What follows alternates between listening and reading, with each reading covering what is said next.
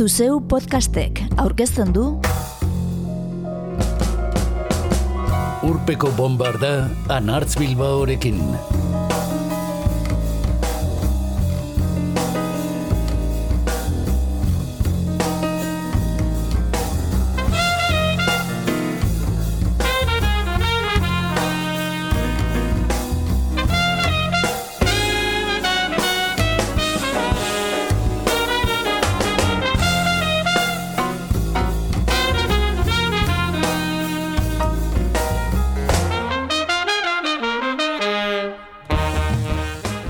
Musikari askok bilakatzen dituzte kantu beste sortzaile batzuek idatzitako hitzak. Enkarguz egin ohi dituzte gehienetan, doinu eta gaia aurrez eman da. Baina baita aurretik idatzitako testuak erabilita ere. Entzulearentzat sarri ez ezaguna izan ohi den langintza da, ordea kanta idazlearena. Hauxe dugu kantatuko diren hitzak sortzea reportajearen zaharrera. Aitor Biainek idatzi eta berri egunkariak 2008ko maiatzaren hogeita bian plazaratua. Guk urpeko bombardan hemen eta orain podcast bihurtu gura duguna.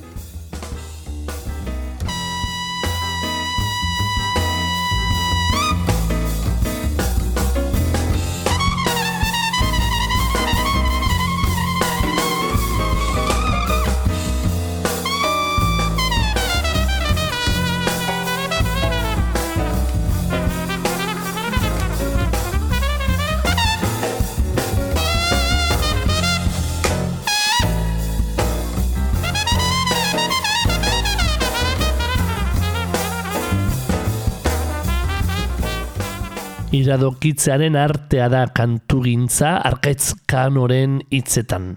Batetik, sintesi ariketa handi bat delako idazlearen zat. Berrogei berrogei tamar hitzekin historio bat, giro bat edo atmosfera bat sortu behar izaten duelako. Eta bestetik, medium mariketa bat ere badelako, hau da, kantari bakoitzaren gogoaren, kantaeraren eta biografiaren zerbitzura lan egin behar izaten duelako. Itxaro bordaren aldiz, harmonia baten goimailara iristea bezala da musika eta hitzak lotzea. Faszinazio bat, musikarik jo esarren musika betidanik maite duen baionarraren zat. Amarnaka abesti idatzi dituzte kano, kalaborda, kasken urteetan. Amarnaka musikariren zako.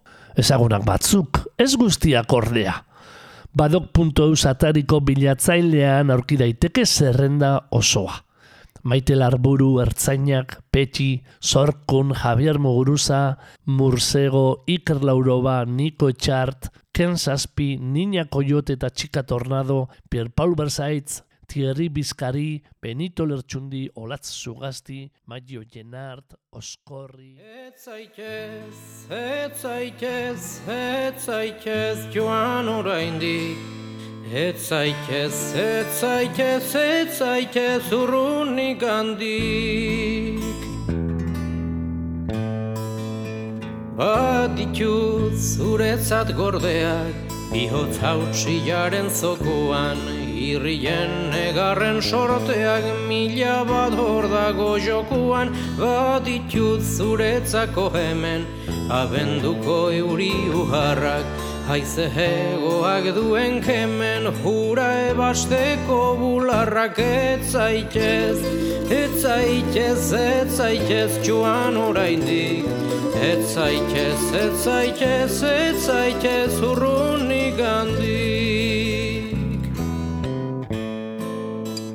Baditut zuretzat lurrean Atzeman hartoen bizarrak Eta gauaren beldurrean Kliskan ari diren izarrak. Baditut zuretzat emanak Sola zintzoetan urratsak Ibai gara denetan edanak maitasunak utzi urhatsak etzaitez, etzaitez, etzaitez joan oraindik.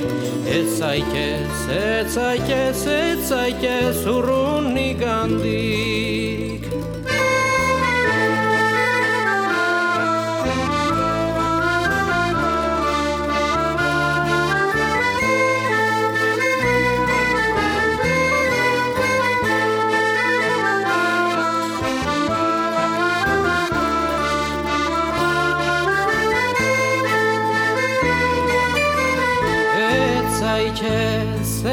Zaitez, ez zaitez joan oraindik. Ez zaitez, ez zaitez, ez zaitez urrunik handik.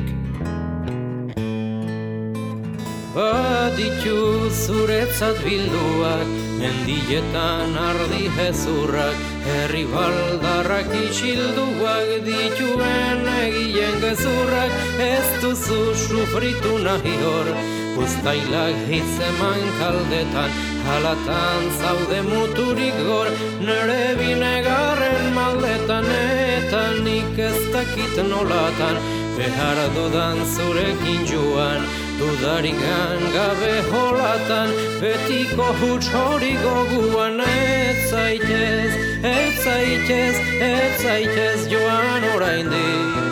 Ez zaitez, ez zaitez, ez zaitez urrunik handi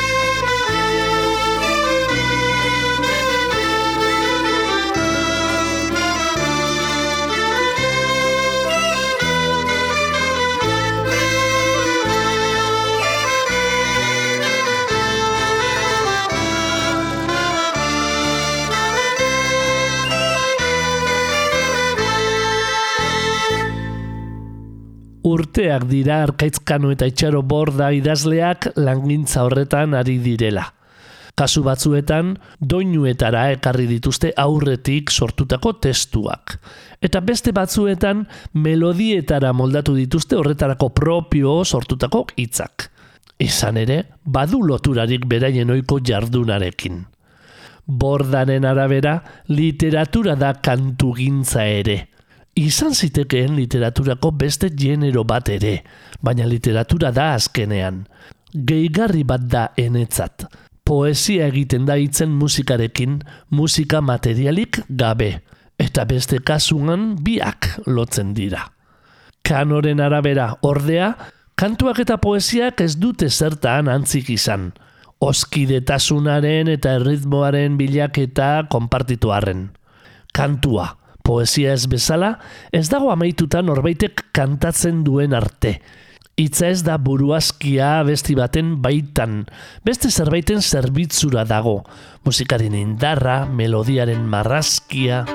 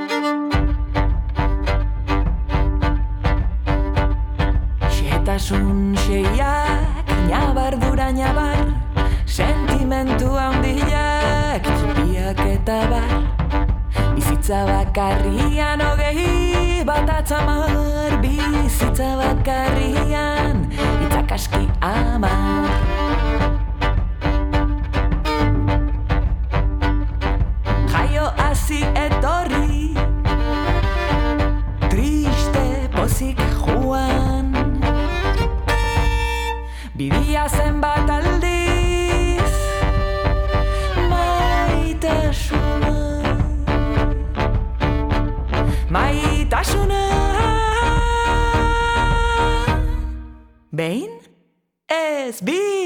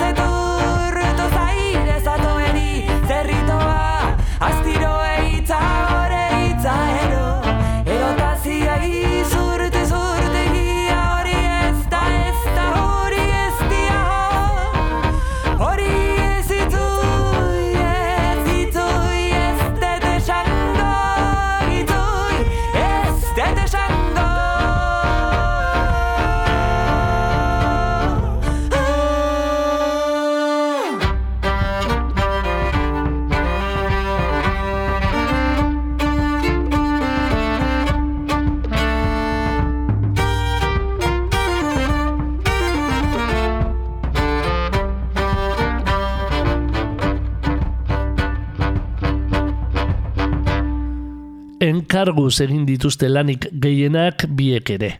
Bordak, berbarako, mila bederatzen da irurogeita mazazpian sortu zituen kantu batentzako aurreneko hitzak. Beazkoitzeko, lapordiko, otxalde taldearentzat. Ongi gogoan ditu une haiek. Norbait idazten duzunari interesatzea eta idazten duzuna musikan jartzea enetzat unkigarria izan zen. Geroztik makina batek musikatu ditu haren olerkiak. Sarri be- berak jakin gabe. Batzuetan dudak ere baditut eta banoa liburuetarat ikustera egiazki nirea den.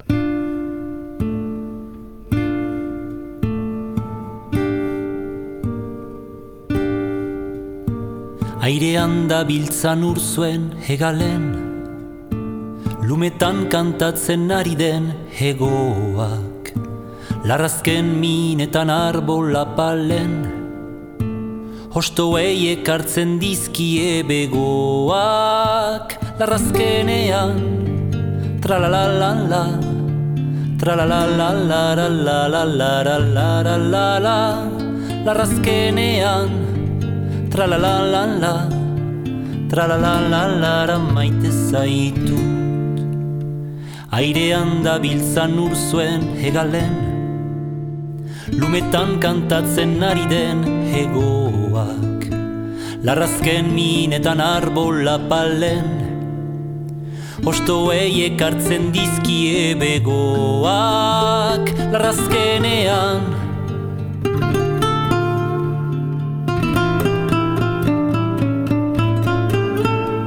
Larrazkenean tra la la la la tra la la la la maite zaitu.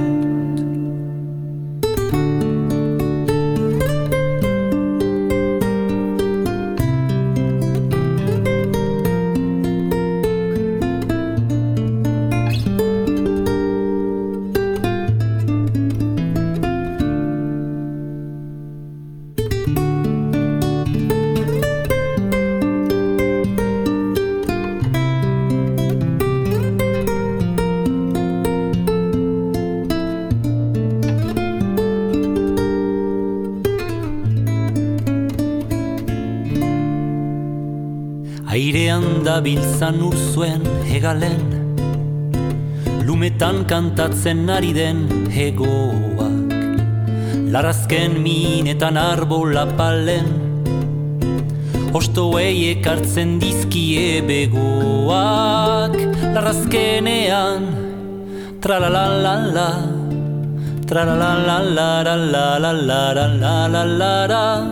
Larazkenean Tralalalala Tralalalalalalala.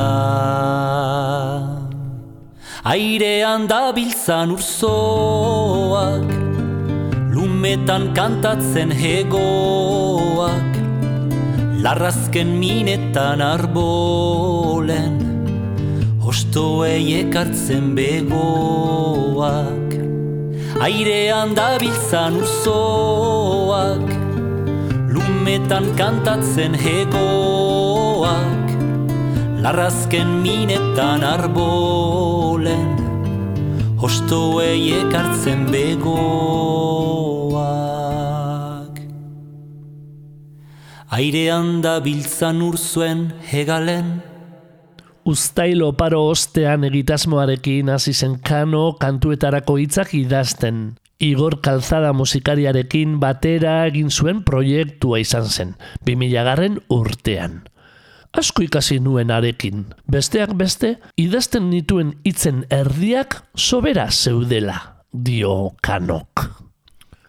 Gogoratu, entzule, Aitor Biain kasetariaren kantatuko diren hitzak sortzea reportaje bikaina duzula gaur entzungai.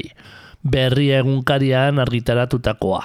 Eta tarteka bertan partartu edo aipatzen direnen kantuak ere entzungo ditugula. Itxaro bordak idatzi eta oskorri taldeak mila bederatzen da larogeita meretziko datorrena datorrela diskoan gordetako, etzaitez joan oraindik kantuarekin abiatu dugu urpeko bombarda. Eta igualak igual entzun diogu maiter larbururi iasko krak lanetik. Arkaitzkano kidatzitako abestia. Thierry Bizkariren begoak izan dugu lapurtarranen lumak marrastutako bigarrena, muda lan berrikoa, eta sorkunen gizon lastan entzungo dugu jarraian, 2008ko ziklomorfosia diskokoa, gipuzkoarraren lumak marrastutako bigarrena.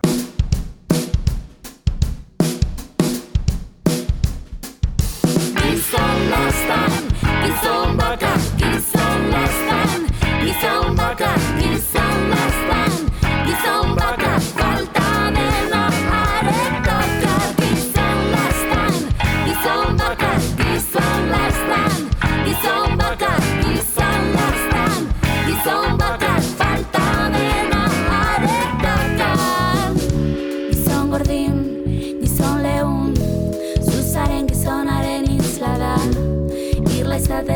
eragozten didan azara Badakizu noiz lehun, noiz gordin Ez da berdin, nola jakin.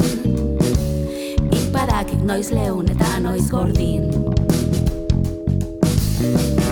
Gizon suar, gizon eme Gizon emernea kombinazio ederra da ene Bilustasuna ongien jazten duena Entzulerik onena, bilduzteko the aurrean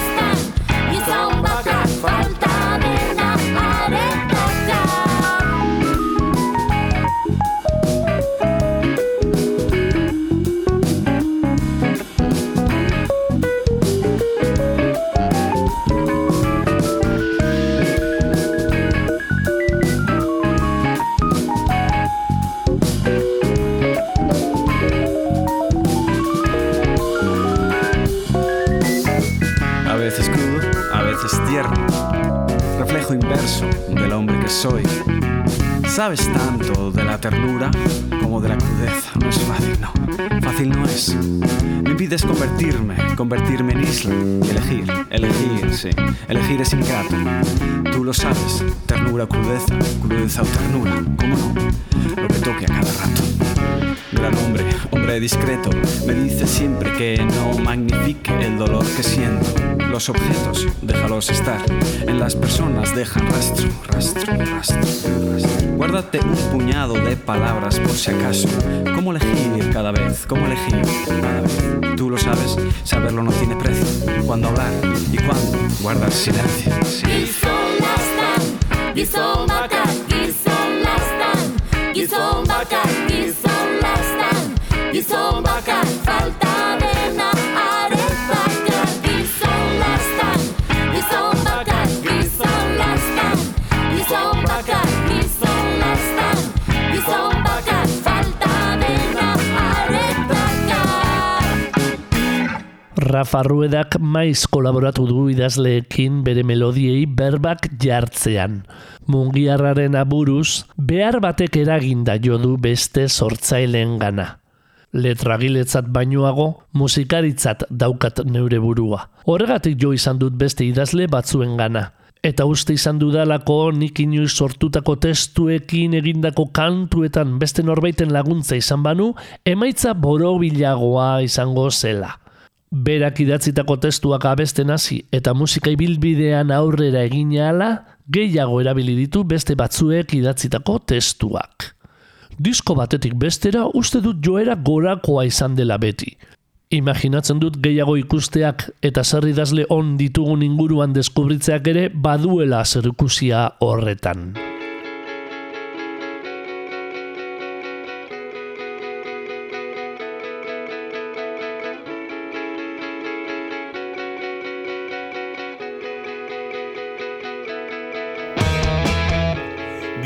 Biderdian biluzik nau Hortozik nabil asfaltuan gainetik Atsegina egiten zait Lurra sentitzearen sensazio hori Kotxeak albotik doaz Begiratzen didate euren zuzentasunetik Arritu egiten dira Barre egin eta eskua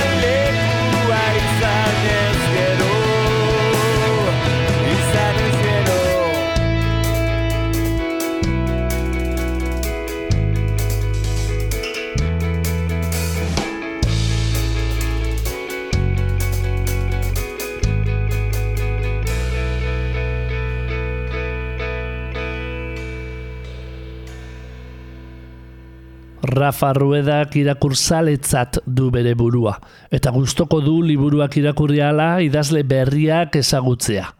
2008ko Rueda, azken diskoan, berbarako, Mariluz Estebanen eta Elena Olaberen hitzak erabili ditu lehen aldiz bi abestitan. Eta haren diskografian aurkitu daitezke Joseba Sarriona India, Unai Iturriaga, Leire López, Gotzon Barandiaran, Kirmen Uribe edo Arkaitz Kanoren hitzak. Oso bestelako kasua da naia zubeldiarena. Lumitaldeko kideak aitortu du musikariak sarri izan ohi duela alako frustrazio bat hitzekin. Baina bere kasuan nahiago du beretik aritu besten lumatik baino. Izan dut tentazioa beste batzuen testuak erabiltzekoa, baina zaizkit sekula nireak egiten. Batzuetan, behar izan bat balitz bezala bizi dut, baina bestalde maite dut idaztea. Maite dut borrokan ibiltzea antzemateko zein hitz den egoki eta zein ez, hitzen jokoa biziki maite dut hori. Hain zuzen, kontrako bide hartu du zubeldiak azken urteetan. Kantatuak izateko hitzak idatzi beharrean, doinurik gabe errezitatzeko hitzak idazten hasi baita. Lumik aurki kaleratuko duen disko berrian, bezperen dirdira, kantu bilakatu ez direnei ere leku bat egin nahi izan diego. Liburuskan argitaratzeaz gain, zuzenekoetan ere errezitatuko ditugu. Lapurtar taldeak behin baino ez ditu beste norbaiten hitzak erabili kantu batean. 2008ko itzal zikinak diskoko romantikoarena Leire Lópezek idatzi zuen. Justuki kantu hori da bakarrenetakoa non hitz horiek kantatu ordez erraten ditudan, dio zubeldiak.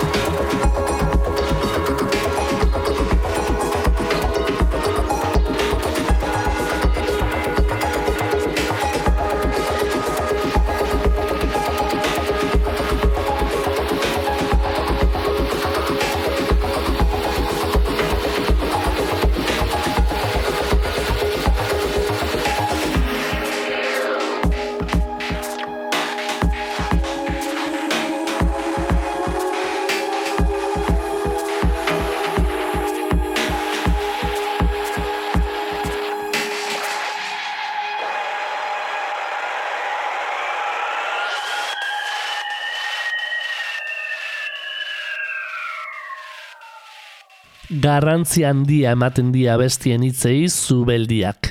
Doinuen osagarri dira, haren ustez. Ruedaren iritziz ere, melodiak bezain garrantzitsuak dira hitzak. Transmititzen duen gaitasun guztia aprobetxatzen ez saiatzea, niretzat desaprobetxatzea da. Ni saiatzen naiz hitzaren indar hori alden neurrian bere osotasunean baliatzen. Doinua da, nola nahi ere, gehienetan kantuaren abiapuntu eta oinarri. Behin musika sortuta, guk erabiltzen dugu alako sasizkuntza bat melodia murtsikatzeko, nola bait. Eta hori grabatuta eta gutxi gora berako tematika bat finkatuta jotzen dut letragileen gana. Lau ideia kontatzen dizkiet, eta euren esku guzten dut guztia gero. Azaldu du ruedak. Modu horretan jardun du kanorekin, esaterako. Idazleak melodiaren gainean idatzi zituen hitzak Iker Laurobaren ero Jesus Mai Lopetegiren kasuan ere. Aldiz, hitzetatik abiatu zen petxiren manipulazio estrategiak diskoa osatzean, eta Javier Muguruzaren edo Mursegoren abestiak egiteko orduan.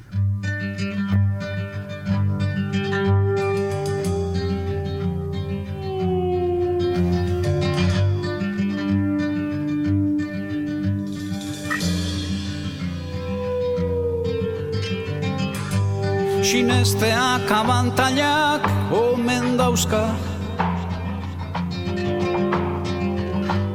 Fededunak fedez dio igoadi Izan fede azken trena hau duketa. Nik ez dut sinestu nahi tren horretan trenik ez dago tren guztiak. Badoaz eta badatoz beti ziraldoka. Paisajeak hortxe dira guri begira. Tren hau ez dut hartu nahi Artza zuzeuk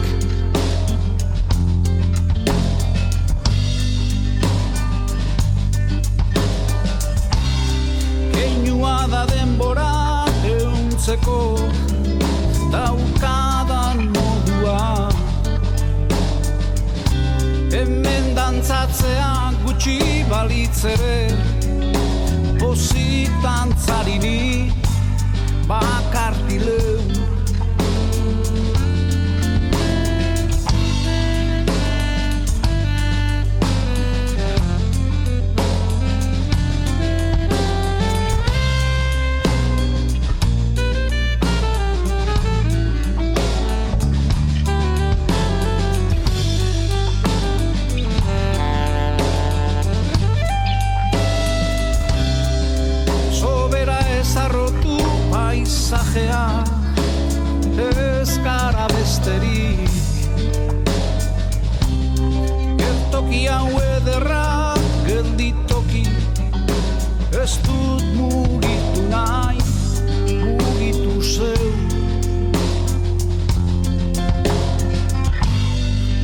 Jostunik ez da hemen jostu nabil.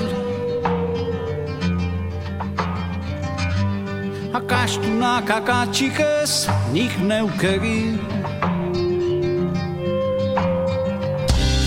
Santurik onantz bazatoz ez geratu Ez dut mintzatu nahi santuekin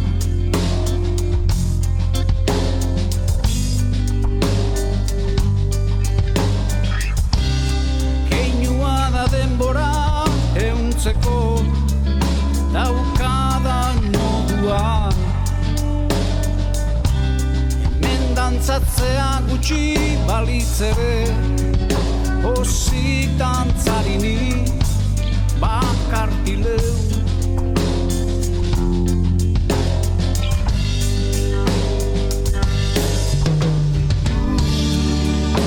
Dantzan dut sinestu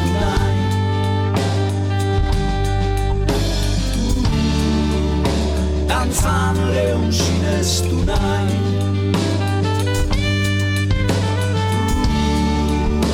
danzando ci resterai.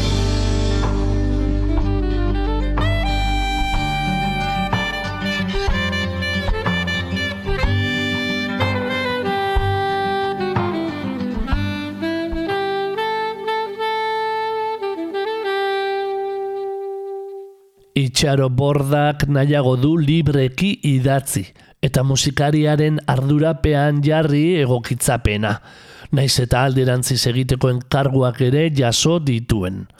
Baina bereziki zail zaio hitzak melodiaren arabera okertzea. Zaila egiten zait eta desafio baten giza hartu izan dut beti lalala hortatik musika eman baten gainean testu bat ateratzea. Magma horretatik zerbait kantagarri edo unkigarri egitea. Behar dut enez horkuntza ene idazteko modua aldatu. Beste moduan ohituago naiz. Kantu bakoitza desberdina da eta beraz langintza prozesua ere aldatuz joaten da. Batzuetan, erritma eta metrika izan daitezke importanteenak, eta beste batzuetan, gaiaren lanketa eta egitura.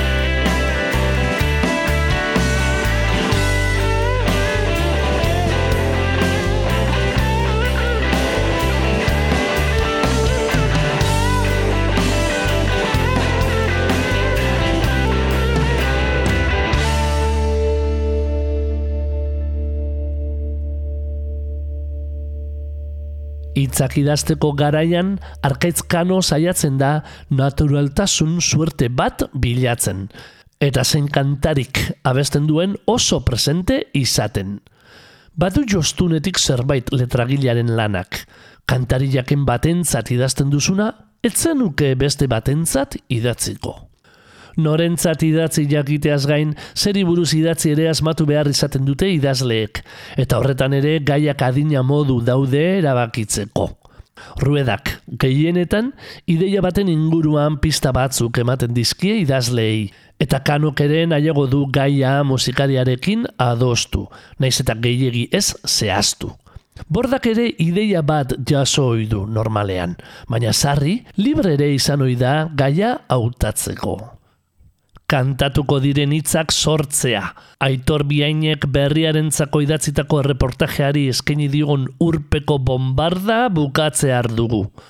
Jesus Mai Lopetegiri dantzari bakartia entzun diogu arketz kanoren hitzekin osorik egindako itzal zaunka egitasmotik. Eta bilutzik Mikel Erraskini, lagunekin osatutako bidean aurkitu zintudan diskorako itxaro bordak idatzi zituenetako bat. Leire Lopezek idatzitako erromantikoarena ere entzun dugu. Naia zubeldia parteide duen lumik idazle bati hartu dizkion hitz bakarrak. Rafa Ruedari, aldiz, berak idatzitako bide erdian entzun diogu kea debut diskotik, eta Mariluz Estebanek idatzitako zahartzeko modurik onena entzongo diogu rueda, azken lanetik. Mikel Laboaren lili bat, Joseba Sarrionendiaren hitzak dituen abestiarekin jarduna itxi baino lehen.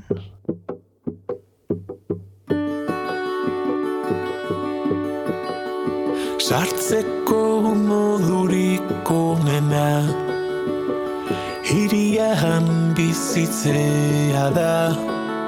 Kutsaduraki Zarrakes taliarren.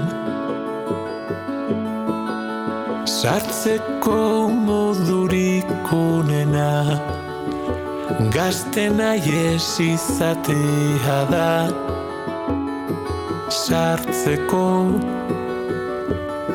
modurik onena Sartzeko. Modurik onena Norbere aurkikuntzan Tematzen da. Sartzeko. Modurik onena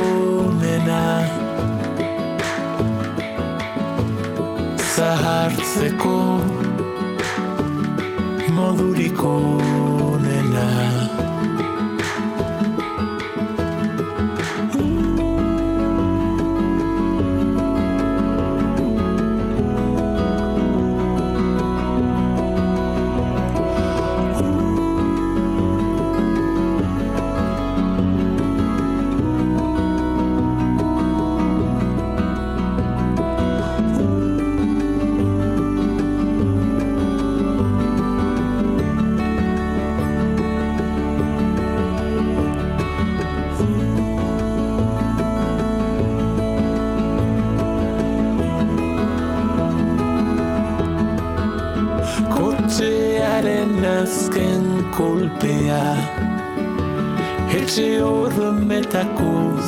zartatua Azalaren baiatua Bizitzaren zimurrak. Bere horretan zaindu eta Beatoki bihurtzea da. Sartzeko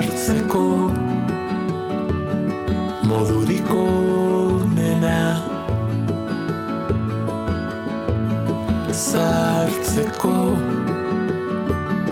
modurik onena. Sartzeko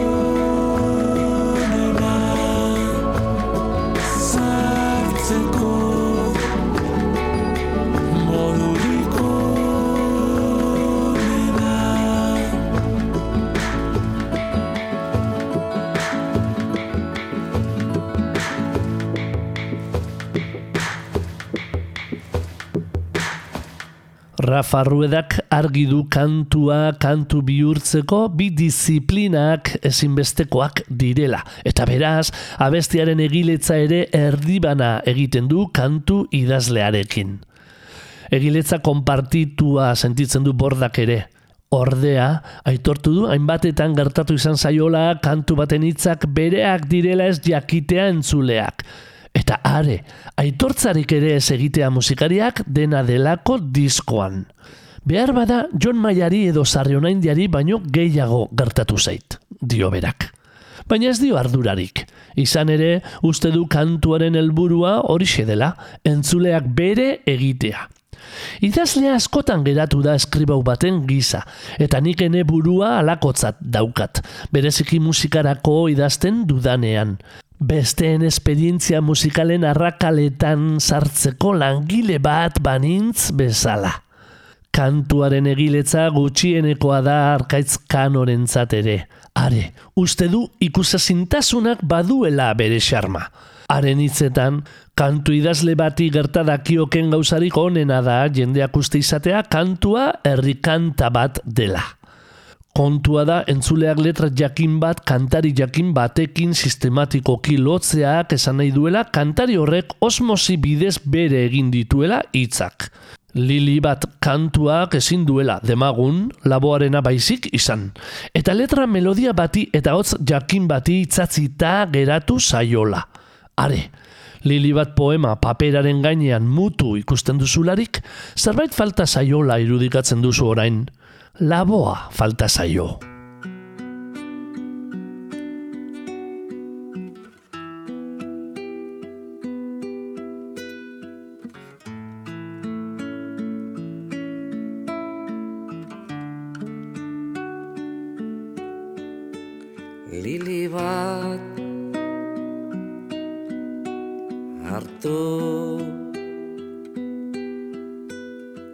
Eta ostoz osto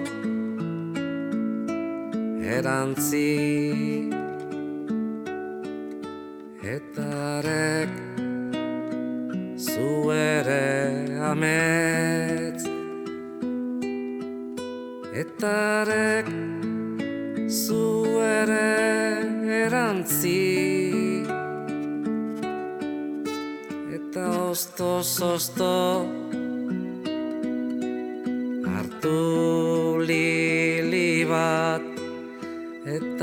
eta ostoz osto hartu lili bat eta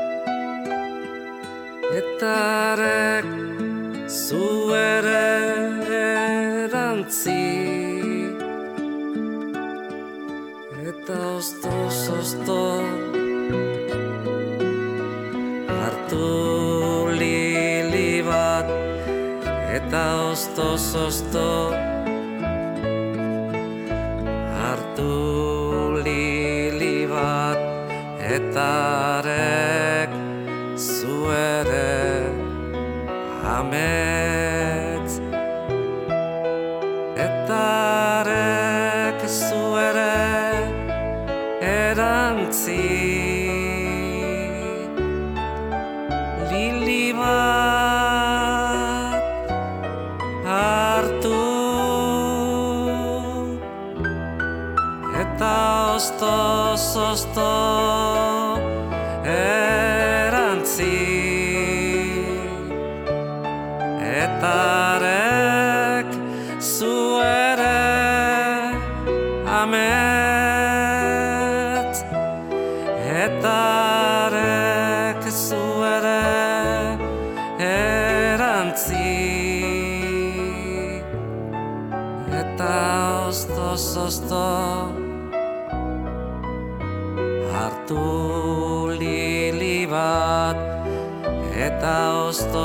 zosto Hartu lili bat Eta arek zu